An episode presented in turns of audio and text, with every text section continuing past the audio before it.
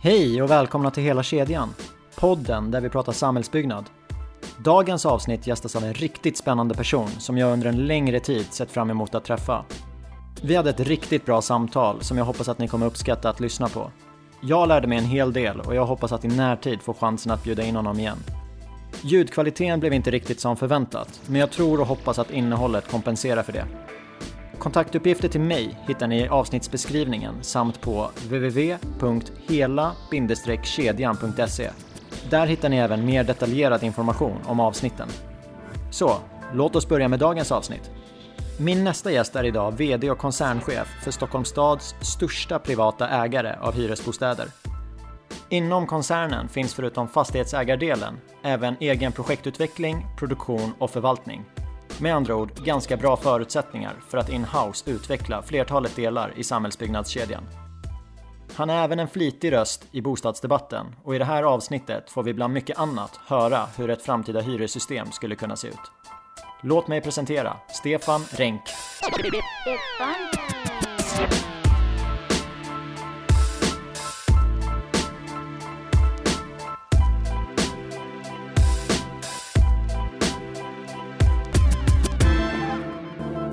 Då kör vi då. Kör vi. Tack för att vi fick komma hit idag Stefan. Varmt välkommen, vad kul att ha dig här. Einar Mattssons lokaler på Rosenlundsgatan i Stockholm. Riktigt. Hur länge har ni suttit här? Oj, här har vi suttit i eh, åtta år snart. Mm. Jag såg, eh, jag har ju googlat Einar Mattsson och läst på innan. Och då har ni, ni har ju en film om Einar Mattssons första motorcykel. Riktigt. Och den står ju här under trappen. Ja, Tänkte jag kolla lite närmare på efter det här samtalet. Men den ser riktigt fin ut. det tycker jag du ska göra. Det var det första som han köpte när han fick pengar över. Som han uppgraderade sin tillvaro med. Och Den köpte han för att kunna köra hem till sin mamma och pappa på Väddö. När var det här i tiden? Eh, det måste ha varit någon gång före eh, runt 1930. Den håller ju sig väldigt bra måste jag säga. Den är 90 år gammal. Ja, nu ska jag villigt erkänna att det är inte hans motorcykel som står där, men det är en precis en sån som han hade. Okej, Ja, då om, omformulerar jag och säger att han, han måste ha varit riktigt stolt när han åkte runt på den där. För ja men den är jättefin. Det var precis en sån. Det var en precis en sån. Och eh, eh, när han och mormor då var, stod tillräckligt nära varandra, då fick även hon åka med i den. Oh, okej, I sidovagnen. Ja. Jag nämnde för dig att jag, jag har ju sökt mycket på dig inför det här samtalet. Jag har gått igenom ditt Twitterflöde bland annat. Men Det vi låter kanske, läskigt. ja, två, över 2000 tweets. Jag har inte gått igenom alla. Men eh, vi kanske skulle kunna göra att du, du får presentera dig för lyssnarna. De som känner igen namnet men kanske inte så mycket mer. Nej, men jag eh, är lite drygt 50 år eh, och eh, utbildade mig till jurist i grund, och botten. Eller jag ska säga att jag har läst juridik. Jurist blev jag väl aldrig, egentligen aldrig riktigt. Eh, Men jag tog min examen i samband med den brinnande bankkrisen i början på 90-talet. Det är många som har den, eh, den intron. Ja, och då skrev jag min uppsats eh, på juristlinjen om bankernas fastighetsinnehav och den juridik som reglerar det. Eh, och det gjorde att jag sen tog mig vidare in i ehm, bankerna och kom till Securum som var dåvarande Nordbankens bolag för att hantera de dåliga krediterna. Hur illa ställt var det på den tiden? Jag, jag var ju inte med. Men Man hör ju skräckhistorier om total fastighetskrasch. Nej, men det var oerhört illa ställt. Eh, de svenska statsfinanserna utmanades ju ordentligt utav alla de pengar som staten behövde skjuta in i det krisande banksystemet för att hålla uppe de systemkritiska bankerna som vi då hade och som vi fortfarande har. Eh, så det var stora, stora belopp som från statens sida gick in i bankväsendet. Eh, och det här var en väldigt intensiv tid. Eh, när jag som nyexad kom in på Securum och träffade gamla bankmänniskor så sa de Stefan, du på ett Securum-år så går det fem stycken Nordbanken-år. Och det var verkligen så. Det var oerhört mycket livsöden, affärsöden eh, som inträffade varje dag. Sånt som man kanske annars bara fick uppleva en gång om året i ett, i ett banksystem. Men här händer det varje dag. Med Securum, tog de över fastigheter där ägarna inte kunde betala av sina lån? Precis, de tog över då de panter som de hade för lånen och allt som oftast så var det ju fastigheter. Eh, men jag arbetade på en enhet som arbetade med panterna ute i kontinentaleuropa så jag reste runt och tog hand om passagerarfartyg i Grekland och golfbanor i Frankrike och Sheraton hotell i München och lagerbyggnader i Amsterdam. Så att det var en, en salig blandning av panter. Och vad var tanken? Att sälja dem vidare? Var det det som var affärsplanen? Ja, det var att skydda värdena helt enkelt. Eh, så det var att, att ta in de här tillgångarna, sen kunna realisera dem för att då betala av på, eh, på de lån som då fanns. Ja. Och just när det kom till, till fastigheterna så såg ju Securumledningen det här som ett sätt att plocka in fastigheterna, förpacka dem på ett sätt som gjorde och behålla dem under en tid tills de hade stigit i värde för att sen kunna återvinna så mycket som möjligt. För man förstod ju att den här krisen ändå var övergående. Och du fastnade för fastighetsbranschen där? Det var snarare så att med den bakgrund jag har som, som eh, barnbarn till Einar Mattsson så har jag hela tiden försökt att orientera mig bort från fastigheter och försöka göra andra saker än fastigheter. Men det undermedvetna har ändå dragit mig hit och jag började ändå arbeta med krediter och kredithantering mm. på Securum. Men Securum blev ju eh, Sveriges största fastighetsbolag och bildade då Castellum för att ta hand om de svenska fastigheterna. Eh, och då när Castellum bildades så följde jag med min chef till Castellum och hade då förmånen att arbeta som assistent till den koncernledningen och bygga upp Castellum från grunden. Så eh, i mitt hjärta så finns det ju en plats för Castellum. Jag tycker det är ett av Sveriges finaste fastighetsbolag. Och, och det är det väl i flera människors ögon? De får väl ganska bra eh, omdömen i branschpress och så? Ja, nej men de, är, de har varit väldigt konsekventa i att följa sin strategi. Den har förändrats lite de senaste åren men de är väldigt konsekventa i att kunna kommunicera de förändringar som sker och varit väldigt, väldigt duktiga på att, att leverera också i enlighet med marknadens förväntningar. Du, du, du nämner att du halvt på skämt försökt hålla dig borta från, från branschen. För jag tänkte så här, varför började du inte på Einar Mattsson direkt? Du var ju i den perfekta skolan för att komma in här, där du är idag. Nej men det här var ju, eh, det här var ju min morfars liv och min mamma och pappas liv. Eh, och så länge de var verksamma så kände jag att då hade inte jag någon roll att, att fylla här. Det gjorde de alldeles utmärkt när de var eh, verksamma och i full gång. Eh, utan jag byggde mitt eget liv utanför det här och, min, och, och odlade liksom mina egna intressen ivrigt påhejade framförallt utav mina föräldrar för de ville verkligen att jag skulle göra andra saker än att arbeta på Einar Mattsson för att inhämta andra intryck. Eh, de hade ju gjort tvärtom och varit i Einar Mattsson i hela sitt liv. Eh, och såg väl att eh, det finns ett, fanns ett de, de hade gärna sett mer utanför Einar Mattsson än, än vad de själva fick göra och det ville de ge sina barn en möjlighet till att göra. Däremot min morfar, mm. han var ju inte särskilt diskret med att eh, det var här vi skulle jobba, det ja. var här vi skulle verka. Men det, det, känns ju skönt att ha med sig båda sidor och det finns ju två skolor. Vissa går in i ett bolag och är där resten av livet och andra och pratar om hur bra det är för att man lär sig bolagets DNA. Ja. Och vissa pratar om, ja men det är bra att ha sett andra saker och ta med sig intryck. Så ja båda vägarna funkar. Nej men så är det.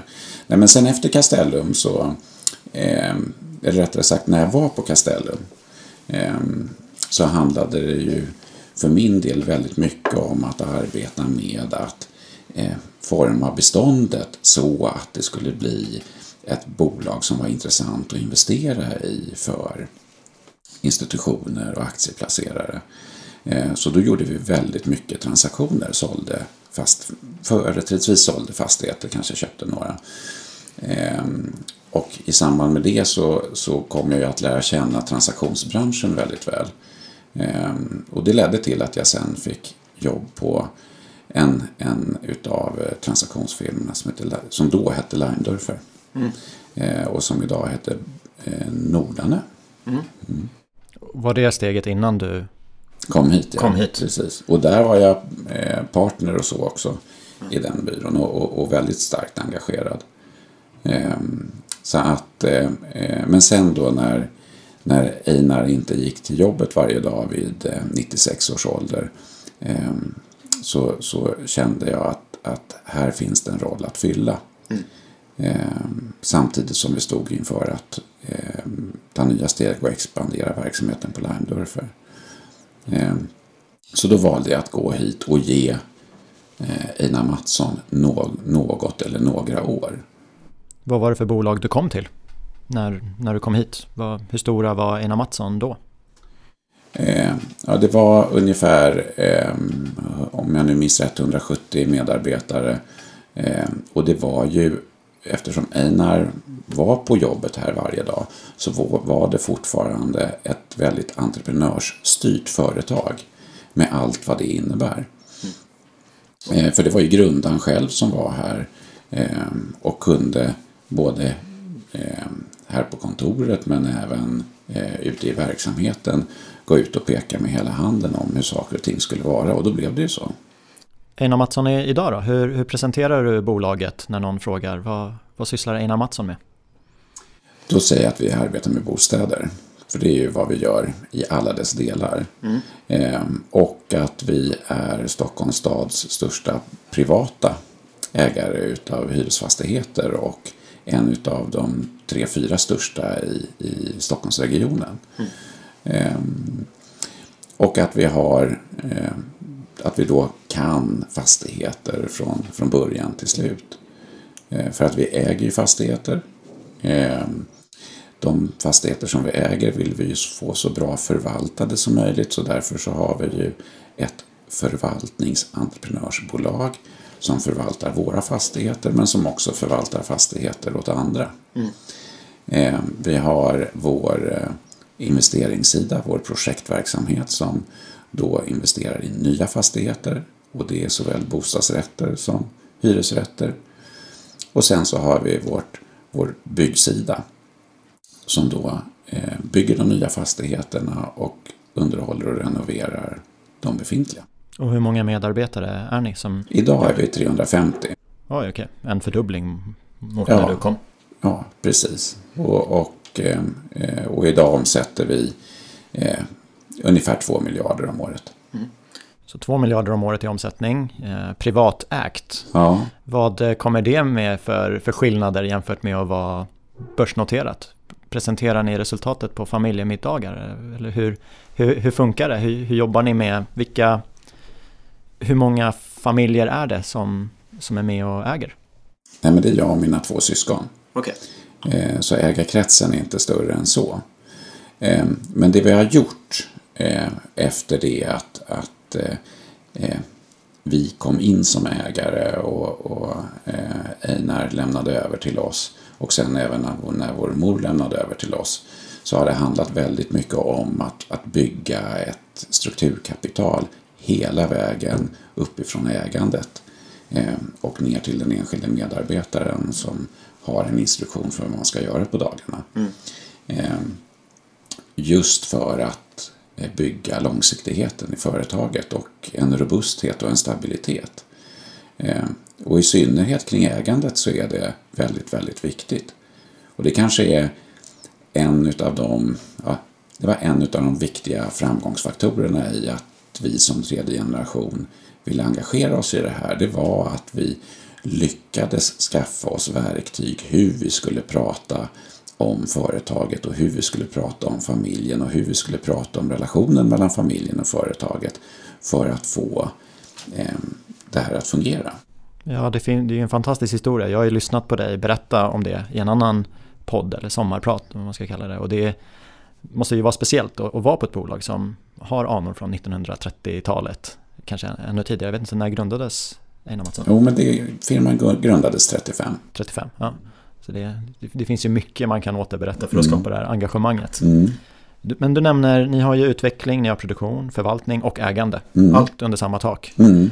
tänker så här, men det kommer ju med en del eh, fördelar. Mm. Men också med en del utmaningar. Mm.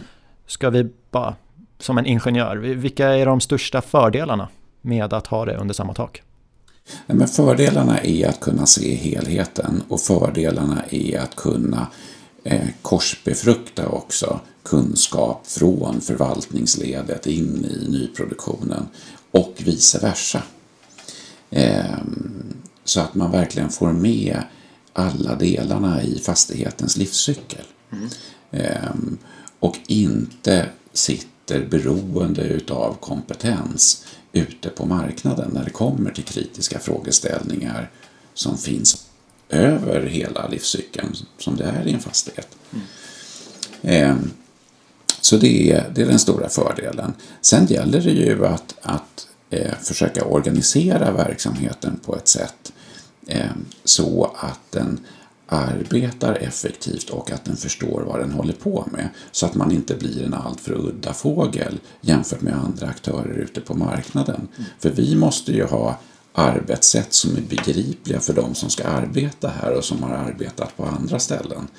Eh, lika väl som det måste vara begripligt när vi försöker utvärdera hur de här fyra olika delarna går. Mm. Eh, för de här fyra olika delarna, förvaltning, ägande, projektverksamhet och byggverksamhet, de har fyra olika affärsmodeller. Eh, och därför måste de styras på fyra olika sätt. Eh, men de har sin gemensamma bas i vårt varumärke, i våra värderingar eh, och i vår långsiktiga syn på ehm, produkten och på kunden.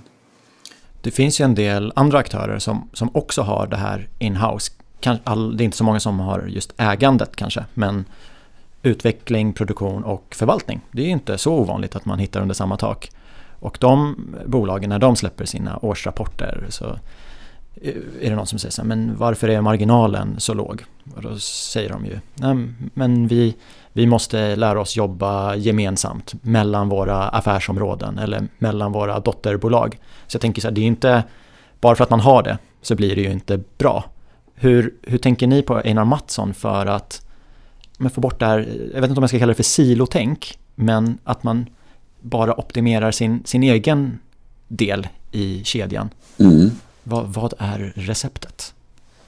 Det är att förstå att det i en, en organisations liv och, och utveckling så är det en ständig pendelrörelse mellan att vara väldigt stuprörsorienterad och att vara väldigt eh, gemensamt fokuserad. Mm. Eh, och det gyllene snittet ligger någonstans här mittemellan.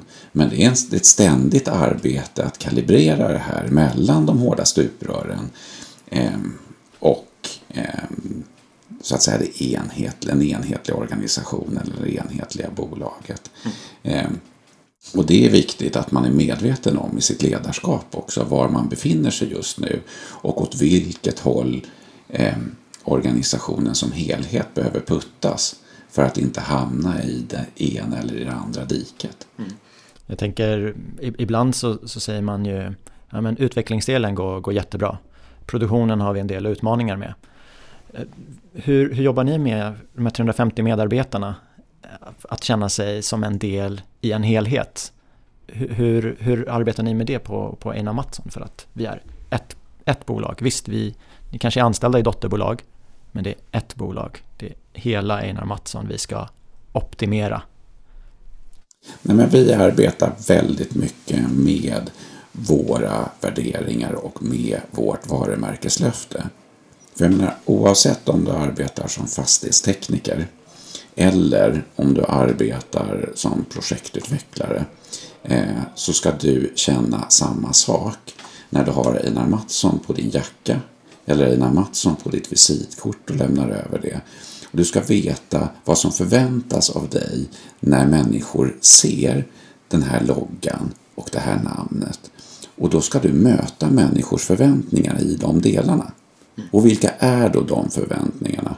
Vad är det de ska få uppleva? Jo, de ska möta en människa som är omtänksam, som är engagerad och som är framåt. Är det era ledord? Eller är det, är våra, det, det, är vad de ska uppleva. Um, långsiktig fastighetsägare, mm. det läste jag någonstans att det, det är vad ni vill vara eller är. Mm. Vad, vad innebär det?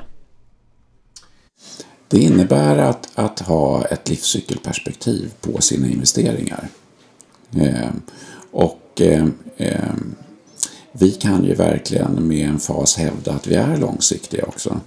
Ehm, för att sedan några år tillbaka så har ju vi börjat att rota, att renovera och bygga om de fastigheter som Einar byggde. Mm. Så de har vi ju haft i över 50 år. Och i några av de fastigheterna så bor det fortfarande kvar hyresgäster som har bott under hela den här tiden. Ja, det är ju spännande. Ja, de uppvaktas alltid med tårta och ja. uppmärksammas särskilt. Ja, men jag tänkte att vi ska prata fokusområden mm. för de kommande åren. Och då, ni har ju fyra delar. Mm. Ehm, jag vet inte hur, hur, ni jobbar, om det är individuella eller om det är på helheten. Men vad fokuserar Einar Mattsson på från och med nu och fem år framåt. När, när vi kollar i årsrapporten för mm. 2023. Mm. Vad, vad har Einar Mattsson lyckats med att mm. genomföra? Mm. Ehm, då har vi en, en, en god förmåga att eh, eh, uppföra nya hus väldigt resurseffektivt. Betydligt mer resurseffektivt än vad som har gjorts under de senaste eh, två, tre åren. Mm. Då entreprenadmarknaden mer eller mindre varit sönderkokt. Eh, och det har levererats över hela linjen i branschen. Eh, försenade projekt till dålig kvalitet och höga kostnader. Eh, så vi är återigen en byggare som är riktigt, riktigt duktig på att leverera högkvalitetsprodukter eh, till, till liksom värden och pris som människor är beredda att betala för. Ja, men jag, jag tänker, det, det, finns ju ingen bostadsutvecklare eller bostadsproducent som 2010 sa att vi ska inte satsa på de här sakerna. Och det har ju blivit lite som det har blivit. Vad, vad ser du är annorlunda nu? Eh, och det kan ju vara marknadseffekter eller, eller vad som helst. Vad kommer, vad är, vad är ingrediensen som Einar Mattsson har för att lyckas med det här? Vad, vad, vad ska ni göra mer konkret? Jag tror att en av våra framgångsfaktorer just är att vi, vi ser hela livscykeln i en fastighet. Eh, och att vi ser vad det är för något som eh, är möjligt att göra ur ett, ett, ett eh, hållbarhetsperspektiv också. Mm. Vad är det man kan eh, arbeta med för material? Vad är det man kan arbeta med för, för metoder? Eh, för att få en, en, en fastighet att hålla så bra som möjligt över tid. Mm. Så att det där är de viktiga delarna på projektsidan. Eh, för att, och det kopplar tillbaka till förvaltningssidan. För att de olika eh, insatsvaror eller material som man eh, bygger fastigheten med de är ju viktiga att följa och monitorera under fastighetens livscykel så att man har en väldigt god koll på vid vilken tidpunkt de här insatsvarorna, det här materialet ska bytas ut. Till vilken kostnad, i vilken omfattning och med vilka resurser. Och att kalibrera det här till det bästa över livscykeln, det är dit vi vill komma. Jag tycker att det låter jättespännande. Jag har ju en bakgrund inom bostadsproduktion. Eh, så jag, när jag ser att Einar Mattsson har de här sakerna under eget tak ehm, så blir jag så här, herregud, det finns ju hur mycket information som helst. Mm. För ni gör ju löpande besök i folks lägenheter. Mm. Det ska fixas och det ska donas och ni ser Dels ser ni att ja, men är det byggt enligt ritning? Mm. För sådana saker är viktiga när man ska göra ett rotprojekt. Mm. Många gånger att ja, men det här är ritningarna, vi, vi vet inte om det ser ut sådär. Nej, och vi vet allt som oftast att Einar var ute på arbetsplatsen och pekade med hela handen och då blev det någonting helt annat än vad ritningen egentligen ja, precis. illustrerar. Men jag tänker att ni är ändå inne i en viss procent av beståndet varje år, så på tio år blir det, ja men då, då vet man ändå en hel del. Mm. Och ni ser ju material, vad som händer. Är den där socken, är, är, den, är den bra? Mm. Eller ännu mer kostnadspåverkande Mm. saker, rör och, Mm. och vänt. Så jag- det låter jättespännande och jag menar inte att vara hård i frågan att ah, men alla säger det här men Mm. eh, det är ändå, tycker ändå att ly- lyssnarna kanske är intresserade av ja, men var, varför ska Einar Mattsson lyckas med det här när alla andra också pratar om det. Mm. Men vi kan enas om att ni har förutsättningar. Vi har förutsättningarna, men jag är väldigt ödmjuk inför att det här är eh, en svår materia att arbeta med. Eh, men vi har bättre förutsättningar än vad vi någonsin har fått när det handlar om att systematisera information och att kunna göra information sökbar. För det är väl det som historiskt sett har varit utmaningen. Det är att mycket av den här kunskapen som du berättar om att vi har möjlighet att ta in, den har varit svår att tradera till, till, till efterkommande generationer. Jag tror att vi, till skillnad från många andra, kanske haft bättre förutsättningar att göra det för att vi försöker stimulera och underhålla den typen utav tradering, den typen av samtal vid kaffestunder eller eh, i trappan på kontoret eller eh, ute i fastigheterna eller när vi träffar hyresgäster eller bostadsrättsköpare. Eh, men det bygger ändå väldigt mycket på den mänskliga faktorn. Eh, och här gäller det ju att i betydligt större utsträckning ta och samla in den här informationen, systematisera den och göra den sökbar. Klarar vi det, då kommer vi verkligen att göra verklighet utav det som många förväntar sig av dem när de tänker en långsiktig fastighetsägare som Einar Mattsson. Ja, jag, jag hejar på er. Jag, samhällsnyttan är helt eh, enorm. Eh, och det är många delar där vi kan bli bättre. Men jag, jag hoppas verkligen att, att, att, det går, att det går vägen. Att vi kan läsa det här 2023. Det blir mer resurseffektivt. Mm. Och vi har ett högt NKI och alla parametrar. Mm. Jag, jag nämnde att jag in, har ju varit inne på din Twitter. Mm. Tänkte, ja, men vad, vad, vad skriver Stefan om? Du skriver ju väldigt mycket om bostadsmarknaden. Mm. Kanske inte det jag trodde. Jag tänkte att, för ni bygger ju bostadsrätter också. Ja, Och det har, ju- det har ju varit mycket prat om kreditrestriktioner och sånt. ja, Du, du skriver mycket om hyresmarknaden ja. eh, och hyressystemet. Mm. Eh, Jag, jag googlade lite, så jag, jag tänkte att jag börjar läsa fyra punkter. Mm. Och sen så kommer vi in på men vilka, vilka nycklar behövs för att få ordning på det här. Mm. Och då har jag läst mig till att 600 000 personer står i Stockholms bostadskö. Mm. Och av de kontrakt som förmedlas är snitttiden ungefär, att de har stått i kö i ungefär 10 år Mm. i snitt. 500 000 bostäder behövs fram till 2025 enligt Boverket. Mm. 260 000, alltså 24 procent av ungdomar mellan 20 och 27 bor hemma. Och 80 procent av dem mot sin vilja. Och sen det som jag tycker när jag följer debatten, att det verkar inte finnas någon nå blocköverskridande bostadspolitik. Vilket man kanske ska ha i och med att byggcyklerna, de är ju lite längre än fyra år. Men även att ibland finns det inte någon intern plan heller i respektive block. Så jag frågar, jag frågar dig, Mm. vilka nycklar behöver vi få till för att få till en fungerande bostadsmarknad? Mm. Eh, oj, det är flera och det är många. Eh, Börja med den du brinner för.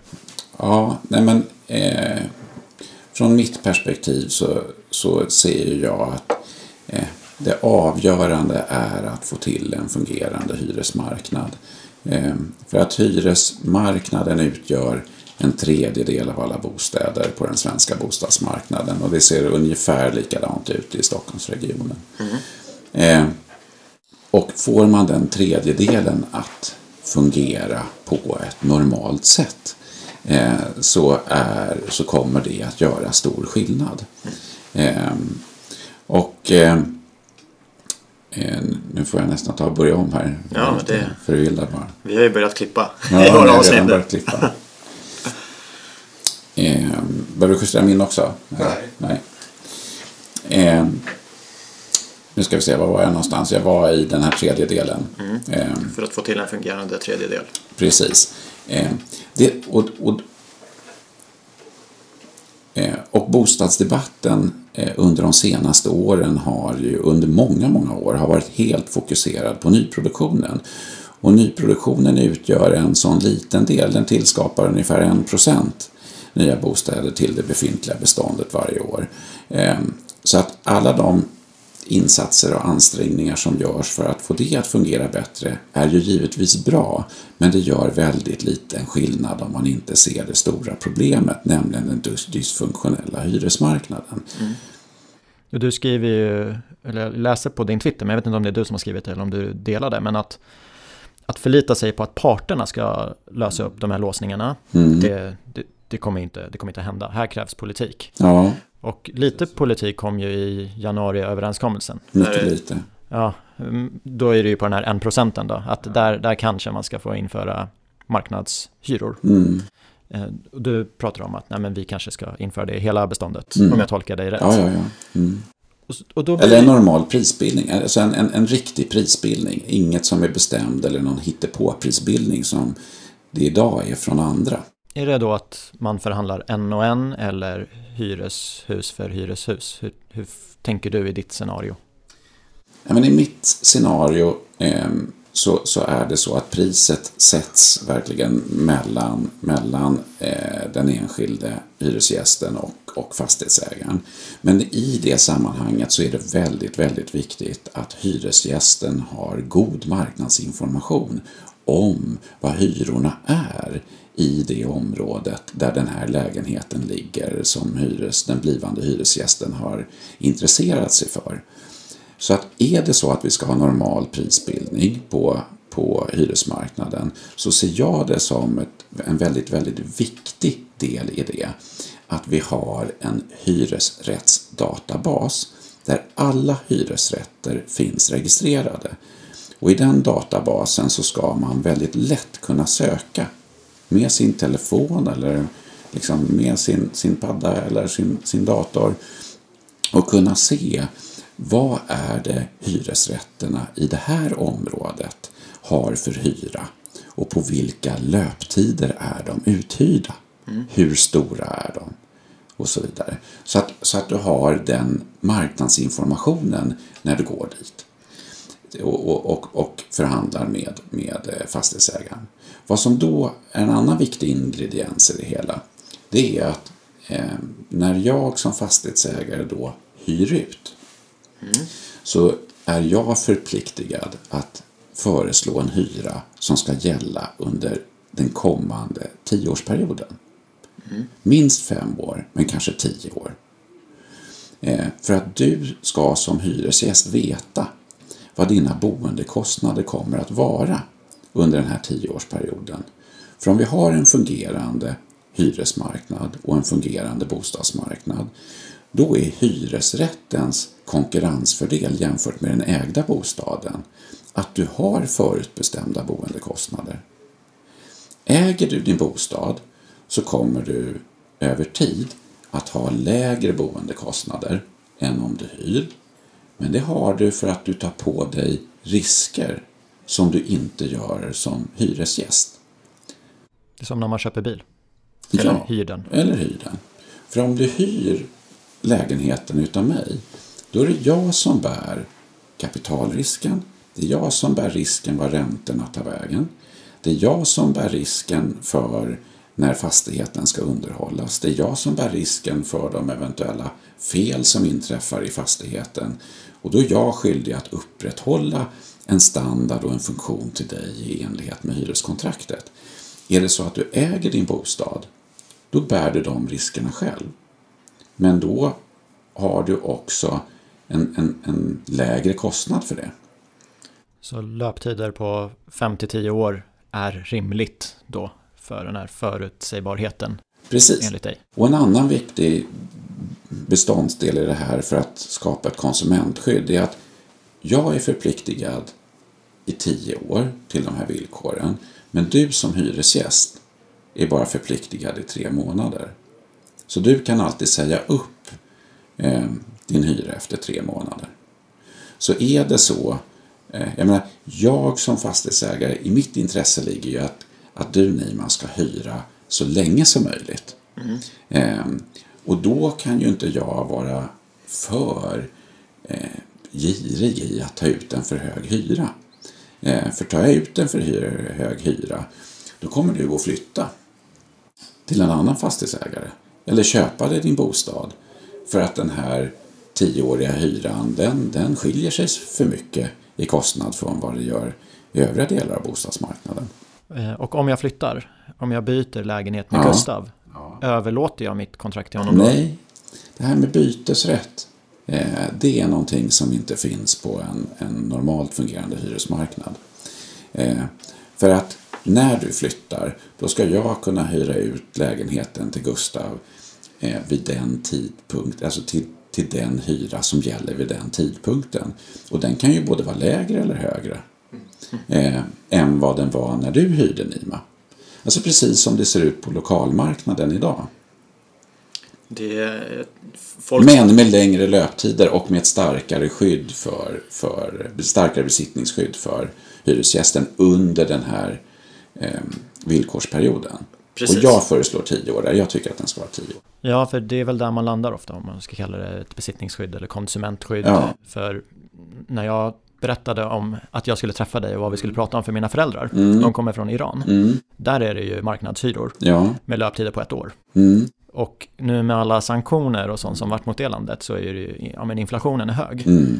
Så där blir det ju att folk inte har råd att bo kvar. Nej. Och för hyresvärden så, för den personen kan det teoretiskt vara bättre att ha en tom lägenhet. Ja. Uh, och det är det, det finns en skräck för det här i, här i Sverige och det är väl det ja. Hyresgästföreningen säger att efter löptiden så då kommer det ju skjuta i höjden kanske. Ja, kanske. Ja, eller skjuta i höjden. Det kommer ju vara högre om det är så att man bor på en, en, en, en, en attraktiv eh, i en attraktiv stad där mer människor hela tiden flyttar in. Mm. Så är det ju. Eh, men så är det ju även på den ägda marknaden. Eh, och det viktiga är ju att det finns en stor ägd marknad ehm, och att det finns olika upplåtelseformer och att det blir lättare att kunna flytta mellan de olika upplåtelseformerna. För det är ju så otroligt olyckligt idag att många som borde hyra, särskilt unga som flyttar till Stockholm, de köper och tar på sig en stor, stor risk. Liksom, för att de har inte ett långt innehavsperspektiv. Mm. De kanske får jobb i ett annat land, i en annan stad, eh, bryter upp liksom i sitt nya förhållande. Eh, så de utsätter sig för väldigt stora risker. De borde hyra. Medan det är väldigt många som hyr och som har hyrt väldigt länge som borde ha ägt. Mm. Och som idag är ordentligt frånkörda ekonomiskt av grannen som bor i bostadsrätten och har ägt den under samma innehavstid som jag själv har hyrt. Och här har vi faktiskt en stor, stor politisk utmaning i Sverige idag. Att de som har förletts att tro att de bor i den billiga boendeformen när de har hyrt och avstått från att kliva in på den ägda marknaden men som på ålderns höst inser att fasen, jag sparade inte tillräckligt mycket eh, för att kunna matcha upp vad min bostadsrättsgranne har lyckats spara genom att äga sin egen bostad. Mina möjligheter att eh, byta boende idag eh, är så otroligt mycket mer begränsade än vad min grannes är. Jag kan tänka, det är ju lite lurigt för att det finns ju siffror som säger att men inflationen är 1,7 procent, mm. löneökningarna är 2,5 mm. och hyresökningen är 0,7 procent. Mm. Och om jag bara läser det, då är det så här, ja ah, det blir ju billigare för mig att bo i hyresrätt för varje år. Det gynnar ju inte fastighetsägaren. Nej. Men det gynnar ju inte mig heller om jag planerat att bo i den här lägenheten i, i 30 år, för då kanske man skulle ha köpt. Ja, såvida du inte eh, har varit förutseende nog och spara den här skillnaden mellan de 0,7 mm. eh, och löneökningen som du har. Eh, och har då hittat en investering som ger en riskjusterad avkastning som kan matcha eh, bostadsrättsägarens eller villaägarens. Mm. Eh, för har du betalningsförmågan att betala för att bo på det där stället, då har du betalningsförmågan också för att kunna ta ett lån och kunna finansiera din bostad den vägen. Men du, du har ju örat mot, mot rälsen mm. eftersom att du är i debatten. Eh, inom Mattsson bygger både bostadsrätter och hyresrätter. Mm. Tänker om man förändrar hyresmarknaden, hyressystemet. Mm. Jag blir tillsagd, jag får inte säga hyresregleringen. Nej. Hyressystemet. Mm. Jag kan säga hyresregleringen. Ja, då säger jag systemet. eh, om vi förändrar den, eh, hyres, om vi förändrar hyressystemet. Mm. Hur kommer det påverka bostadsrättsmarknaden? Mm. För det kommer ju bli annorlunda att vissa som köper idag de kanske hyr. Eh, ha, ha, finns det någon sån analys gjord? Nej, jag har inte sett den. Eh, men, men eh, teoretiskt ur ett eh, översiktligt perspektiv så kommer ju en, en normal prisbildning på hyresmarknaden att ha en dämpande effekt på prisutvecklingen på ägda bostäder. Mm. Så är det ju. För då blir det ju en bostadsmarknad. Idag är ju en tredjedel av bostadsmarknaden bortkopplad från, från eh, marknaden kan man säga på det sättet och skapar ju då ett, ett, en överefterfrågan på den ägda marknaden. Så att det är klart att det kommer att ha en dämpande effekt. Men jag ser också framför mig att eh, ska man göra förändringar inom bostadspolitiken så måste man göra de förändringarna under en väldigt, väldigt lång tid för att det ska fungera för människor.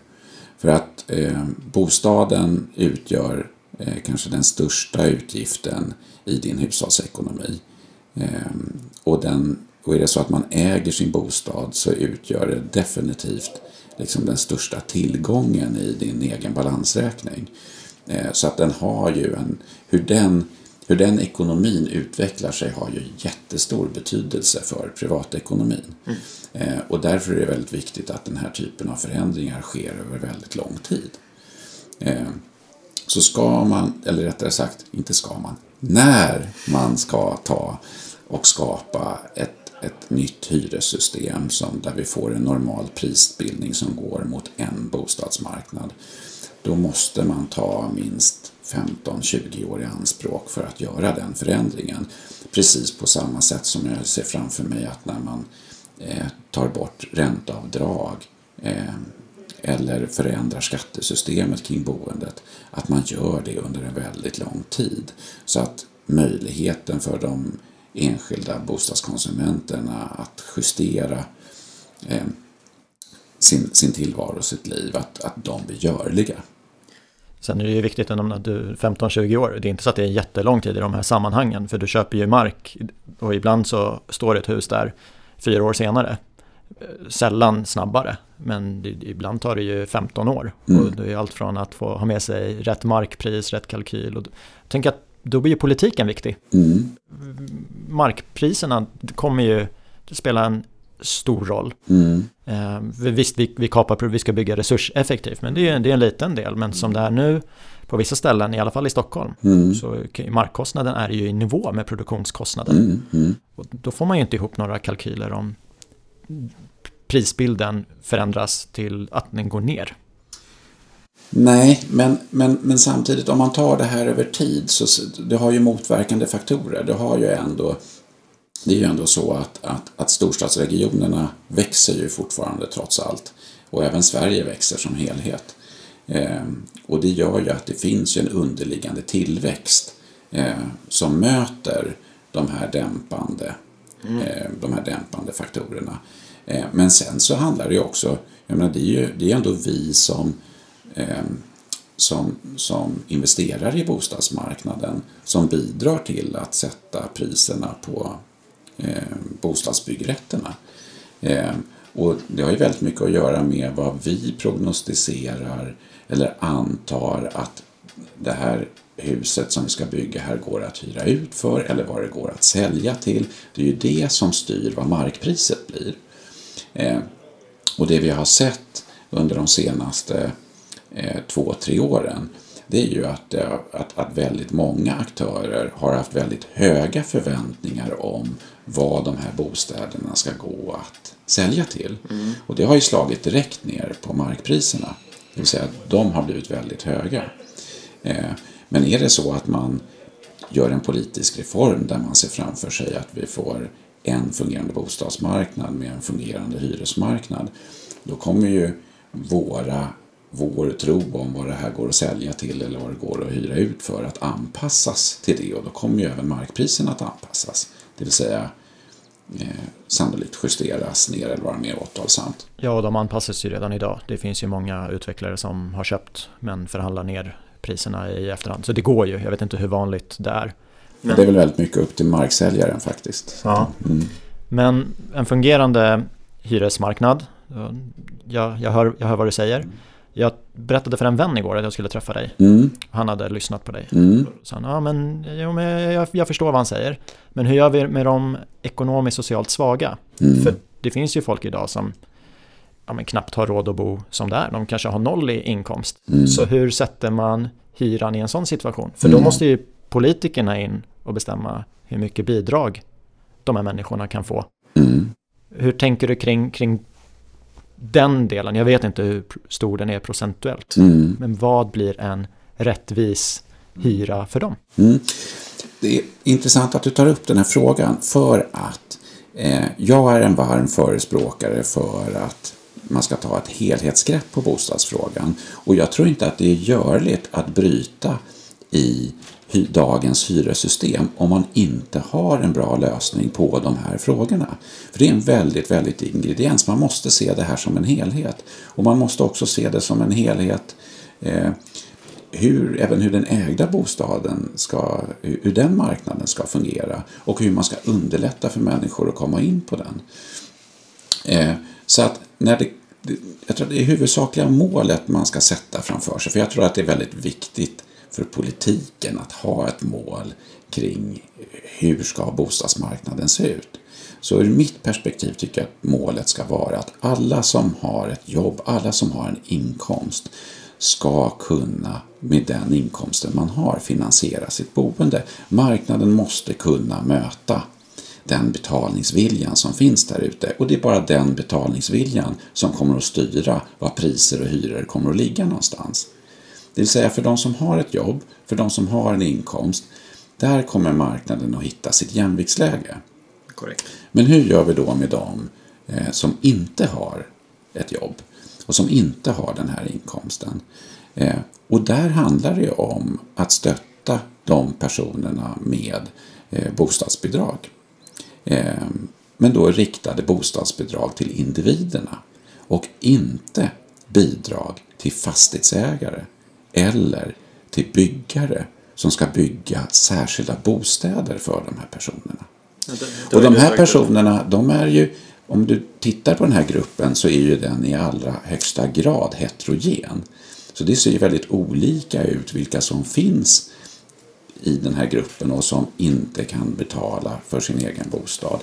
Vissa befinner sig där under en tillfällig del av livet och behöver ett, ett kortare täckning för att kunna klara boendekostnaderna medan andra har större permanenta behov.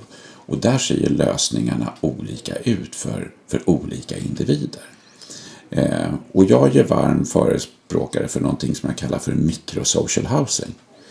Berätta, vad, vad, vad är det? Nej, men microsocial housing är att, att eh, eh, alla fastighetsägare, oavsett om de är om det är bostadsrättsföreningar eller, eller, eller hyresfastighetsägare, de ska vara förpliktigade att upplåta ett antal lägenheter, säg vart hundrade lägenhet, vart femtionde lägenhet, till socialtjänsten. Den lägenheten ska socialtjänsten alltid ha möjlighet att hyra.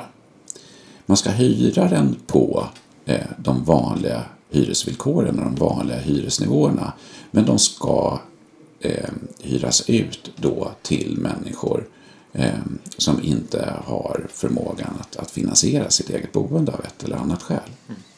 Men, jag... Men de ska inte vara allokerade till vissa fastigheter eller vissa områden. Och jag tycker att de företrädesvis ska finnas i de socioekonomiskt stabila områdena.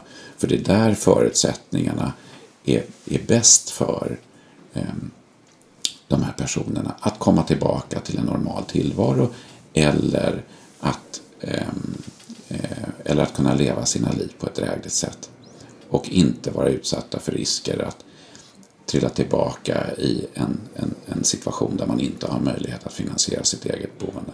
Ja, men det, jag, jag hör vad du säger om subventionerna och det, det, kan man ju läsa mer om om man bara söker på ditt, ditt namn. Mm. Du är ju stark förespråkare av att byggarna ska inte subventioneras. Subventionerna eller bidragen ska ju gå till de som bor. Och det är väl lite det som kommer för att vissa kommer ju behöva de här bostadsbidragen. Då är det ju ett samspel mellan politikerna och fastighetsägarna. Hur stora ska bostadsbidragen vara? För att de, de som får dem, de kommer inte kunna betala mer än det belopp de får. Mm. Och det belopp, hur, hur högt ska det vara? Vad, vad ska hyran vara? Det, det, det är ju ett jättesamspel som måste mm. fungera. Precis, men, hy men hyran eller priserna de sätts ändå utav de som har möjlighet att betala. De sätts inte av någon annan. Nej. Jag sitter inte och hittar på vad det ska vara för hyror. Det är det som är olyckliga idag. Det är ju att det finns några som sitter och hittar på vad det ska vara för hyror. Liksom. Mm och som har en väldigt svag koppling till vad människors betalningsvilja för den enskilda lägenheten egentligen är. Och det är det sistnämnda som behöver skapas för att få dynamiken i bostadsmarknaden och få den att fungera. Eh, men eh, när den här hyran då är bestämd av marknaden då, då måste vi vara uppriktiga och ärliga mot oss själva som skattebetalare men även som, som, liksom som bidragsmottagare. Vad är det den här, vad, vad, är det det egentligen kostar? Och vem är det som ska vem är det som ska finansiera det här? Och jag tycker det är en väldigt olycklig lösning om man lägger den typen av finansiering på, eh, på fastighetsägaren. För då skapar du helt fel drivkrafter.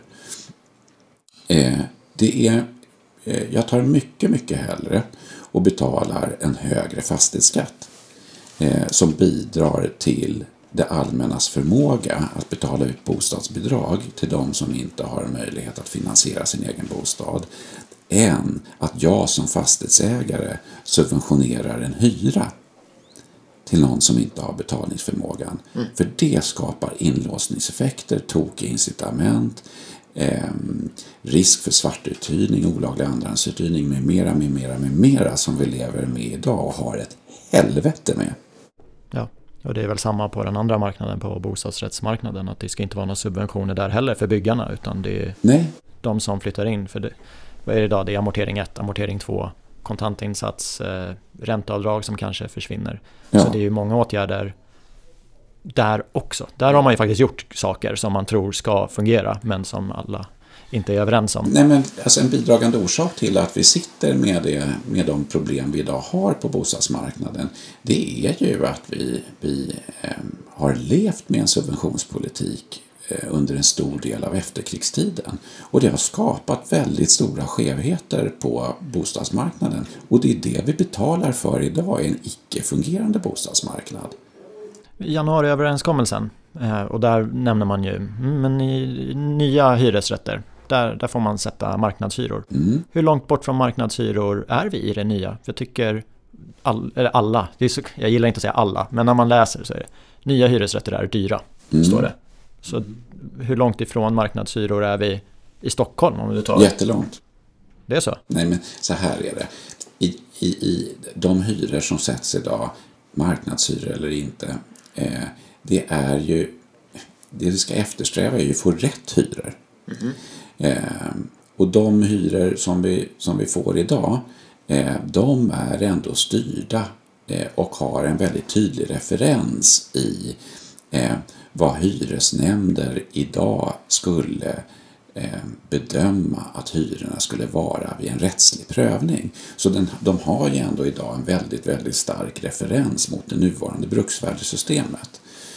Eh, det finns inte eh, det, det, är inte tillräckligt stor dynamik idag ens i nyproduktionen. Visst är hyrorna höga på sina håll, men är det rätt hyra för den sakens skull? Jag tror verkligen inte det. Jag tror att särskilt när det kommer till hyresrättsprojekt ute på, på svaga marknader, där har vi definitivt överhyror idag. Mm. Eh, och de subventionerade hus som finns där ute, där har vi överhyror och mycket för att kunden idag är oinformerad om hur bostadsmarknaden egentligen fungerar och har du där ute på en svag marknad förmågan att betala den här hyran eh, då har du allt som oftast förmågan också att, att, att äga ditt boende, sannolikt till betydligt lägre boendekostnader än vad du går in och hyr för. Det är väl alltid prat eh, högt eller lågt, det beror ju på vad man jämför med.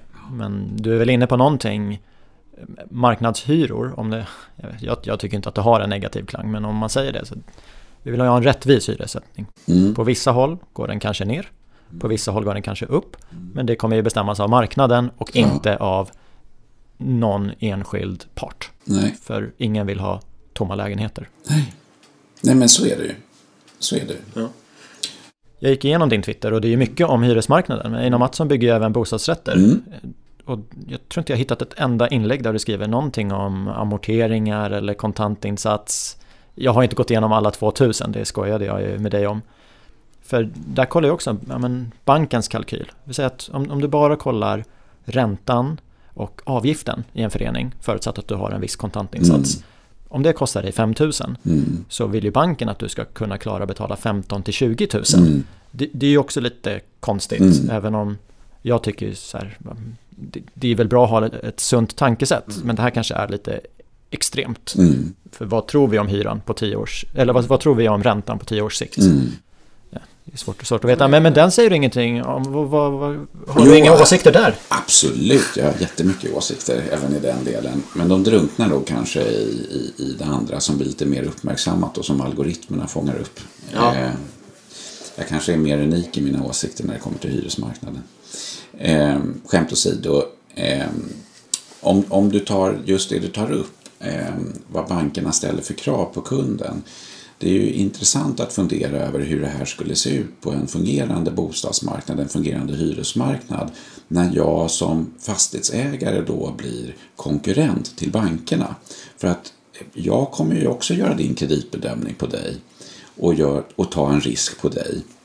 Och kommer jag då i den situationen för att få det här uthyrt kräva att du ska kunna klara tre gånger eh, hyran mm. eller tre gånger boendekostnaden Eh, jag vet inte det. Jag tror att det finns väldigt många fastighetsägare där som kommer att agera på olika sätt och det här kommer ju vara en del i konkurrensen.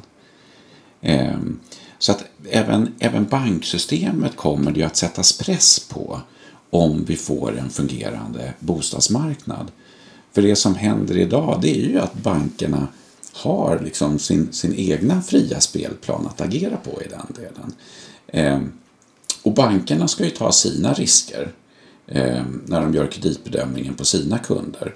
Och jag kan tycka, eh, eller rättare sagt, jag tycker verkligen att eh, de, de, senaste årens regleringar utav bankerna är väldigt, väldigt olyckliga. Eh, för att man tar bort den här kreditvärderingen utav den enskilda låntagaren eh, och ställer alldeles på tok för hårda krav mot eh, eh, yngre personer som har hela livet och hela sin intjäningsförmåga framför sig. Till skillnad från vad man ställer för krav på, på äldre personer. Så att de senaste årens regleringar av bankmarknaden eh, både när det kommer till bankernas balansräkningar men även när det kommer till kundrelationen. De bidrar till en stolpigare till en stolpigare bostadsmarknad. Eh, och gör oftast många gånger att, att eh, eh vi som projektutvecklare och, och, och, och utformare av bostäder, vi, vi eftersträvar ju att möta kundens behov, vad kunden sätter för värde på saker och ting och hur en lägenhet ska utformas. Eh, men så som det har blivit på sistone så måste vi ju fundera över vad är det eh, bankens kreditbedömare hur värderar de den här lägenheten och vad kan de tänka sig att låna ut och hur matchar deras regelsystem eh, vad som skapar för möjligheter att betala för den enskilda bostaden. Det har ju blivit svårare att komma in på bostadsmarknaden, speciellt för unga ja. som inte, ja, men, de kan inte betala av 20 000 i, i månaden. Däremot kommer de ju kunna betala av på det här under en, en längre tid. Mm. Eh, så det är inte så så mycket risk Nej. förutsatt att alla blir arbetslösa. Mm. Och då vet man ju att ja, men det slår ju på bostadsrättsmarknaden och på utvecklarna och vilka mm. priser och så. Mm. Finns det några regleringar som slår mot fastighetsutvecklarna eh, också? Är det svårare för er att få lån från banken nu jämfört med för sex år sedan när de började införa de här? Eller liksom pekar man bara på köparna? Nej, men det blir ju som en... Eh, det är ju en, en, en, en, en näringskedja här. Så det som slår på kunden, det slår ju direkt på, på oss aktörer på marknaden också. Ja, men det tänker jag. Men ibland så kanske det kräver banken att, det, att ni ska ha mer sålt mm. idag jämfört med tidigare? Eller? Ja, men, men det är ju inte ett, det, det, det, det är utifrån ett kommersiellt perspektiv från bankernas sida för de vill ta ner sin risk. Eh, så utifrån det perspektivet så ställer de ju idag högre krav på andel sålda lägenheter innan de släpper iväg pengar till ett projekt. Och det här skapar ju det här har ju gjort att hela den gamla affärsmodellen kring projektutveckling utav, eh, utav, utav bostadsrätter framförallt har låst sig. Mm. Eftersom det är väldigt få där ute på marknaden idag som, som ser någon anledning att teckna sig för bostäder i tidiga skeden. Men är det så att bankerna vill ta ner sin risk? För det känns som att med de här åtgärderna som slår mot individerna, mm. då säger de ju att nej, men vi är tvingade att göra det här. Eh, ja, fast samtidigt så, samtidigt så har de ju... Eh, det, det, som slår mot individerna, det gör ju att det försvinner en hel del kunder från marknaden. Eh, det gör också att övriga kunder blir mer avvaktande eftersom de inte vet vad de kan sälja sina befintliga bostäder för. Eh, det här gör att allt färre är intresserade för att teckna sig i tidiga skeden för projekt till skillnad från hur det var för två, tre år sedan. Eh, det gör att, att även finansiärerna, bankerna, blir osäkra på om de här projektutvecklarna klarar av att betala tillbaks det eh, som de tar i lån från banken för att kunna uppföra det här projektet. Kommer de verkligen få de här lägenheterna sålda? Nej, jag som bank är osäker, därför måste jag höja eh, graden av förtecknade lägenheter. Mm. Och då blir det här en ond cirkel. För att vi som projektutvecklare och byggare, vi får inte våra lägenheter sålda i tidiga skeden. Och får vi dem inte sålda i tidiga skeden, då får vi heller ingen finansiering utav, från banken. Eh, vilket gör att vi bet behöver betydligt mer eget kapital eh, i de tidiga skedena. Eh, för så som marknaden ser ut idag så det är inte så att det inte säljs bostäder och att det inte går att sälja bostäder. Det gör det verkligen. Eh, men det tar längre tid, du behöver komma längre in i projektet, projektet behöver konkretiseras allt mer. Eh, och eh, det gör att du behöver en större andel egenkapital. Du behöver vara stark och en starkare balansräkning som projektutvecklare än vad man har haft tidigare. Så lång kedja, många länkar och vi är inte starkare än den svagaste för den påverkar helheten. Ja men så är det. Ja. Så, så är det. Så det är jätteintressant att sitta här och prata bostadsmarknad och vi skulle kunna sitta hur länge som helst. Men jag känner att eh, för, för avsnittslängden mm. så, så släpper vi det för den här gången. Ja. Men ja, som alltid, jag hoppas jag att jag kan bjuda in dig igen och, och, prata med dig. Men det är en sak jag skulle vilja att vi pratar om innan vi avslutar hela avsnittet. Mm. Och det är ju KTH Live In Lab. Ja. Vad är det? Vad gör Einar Mattsson där? Vi fick möjligheten att Eh, uppföra 300 studentbostäder uppe på KTHs campus. Eh, och eh, en del av det projektet tog vi och tillsammans med KTH då och gjorde till en, ett forskningslabb, ett live-in lab där det är cirkus 200 kvadratmeter som kan byggas om och, och, och byggas till och eh, man kan lägga till teknik och man ta, kan ta bort teknik för att se hur det funkar i praktiken. Eh, som en testbädd eh, för teknik men även för eh, utformning utav, av lägenheter. Eh, så det här är en testbädd där man inte bara ska prova tekniken utan även beteenden för att se, för att utmana Eh, byggregler och byggkrav också. Och se vad, vad går det egentligen att bo på för yta? är det möjligt att man bor flera personer på en mindre yta och har en större gemensam yta som man delar och är tillsammans på? Eh, hur påverkas luftkvalitet? Hur påverkas mitt psykiska välmående? Och så vidare och så vidare. Eh, så att eh, vi har, har eh, Eh, upplåtit de här lokalerna till KTH under en, en tioårsperiod då de har möjlighet att, att använda de här lokalerna hyresfritt och så har vi skjutit till en del pengar eh, för att de ska kunna utforma lägenheterna också. Men hit till den här testbädden så är ju alla andra företag välkomna att testa eh, sina produkter, sin utveckling och även för KTHs forskare och studenter att, att, att pröva olika metoder. Så det är ett jättespännande projekt. Ja, det är mycket snack om byggregler och, och, liknande. Det känns skönt att det finns en aktör som, som gör någonting åt det. Ta fram lite siffror, fakta, beslutsunderlag och så kan vi ta det därifrån. Ja, men vi kommer ju ifrån, vi kommer ju från en historia där, där staten helt och hållet finansierade vårt bostadsbyggande. Då var det också fullt rimligt att staten bestämde vad det skulle vara för pris som de boende skulle betala och att man hade väldigt eh, tydliga krav på hur de här bostäderna skulle utformas. Står man där med plånboken då är det de två sakerna som man vill bestämma över. Nu är det så att staten subventionerar inte eller finansierar inte längre bostadsbyggandet utan det gör vi enskilda. Och vi enskilda vi kanske har lite andra preferenser än vad staten hade på 40-, 50 och 60-talet.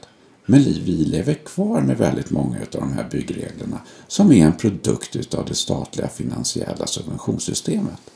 Och det är det här vi måste bryta oss loss ifrån, för det är det här som driver oss mot så tokiga beslut och så tokiga utformningar av våra bostäder. Kanonavslutning. Tack för att vi fick komma hit, Stefan. Tack.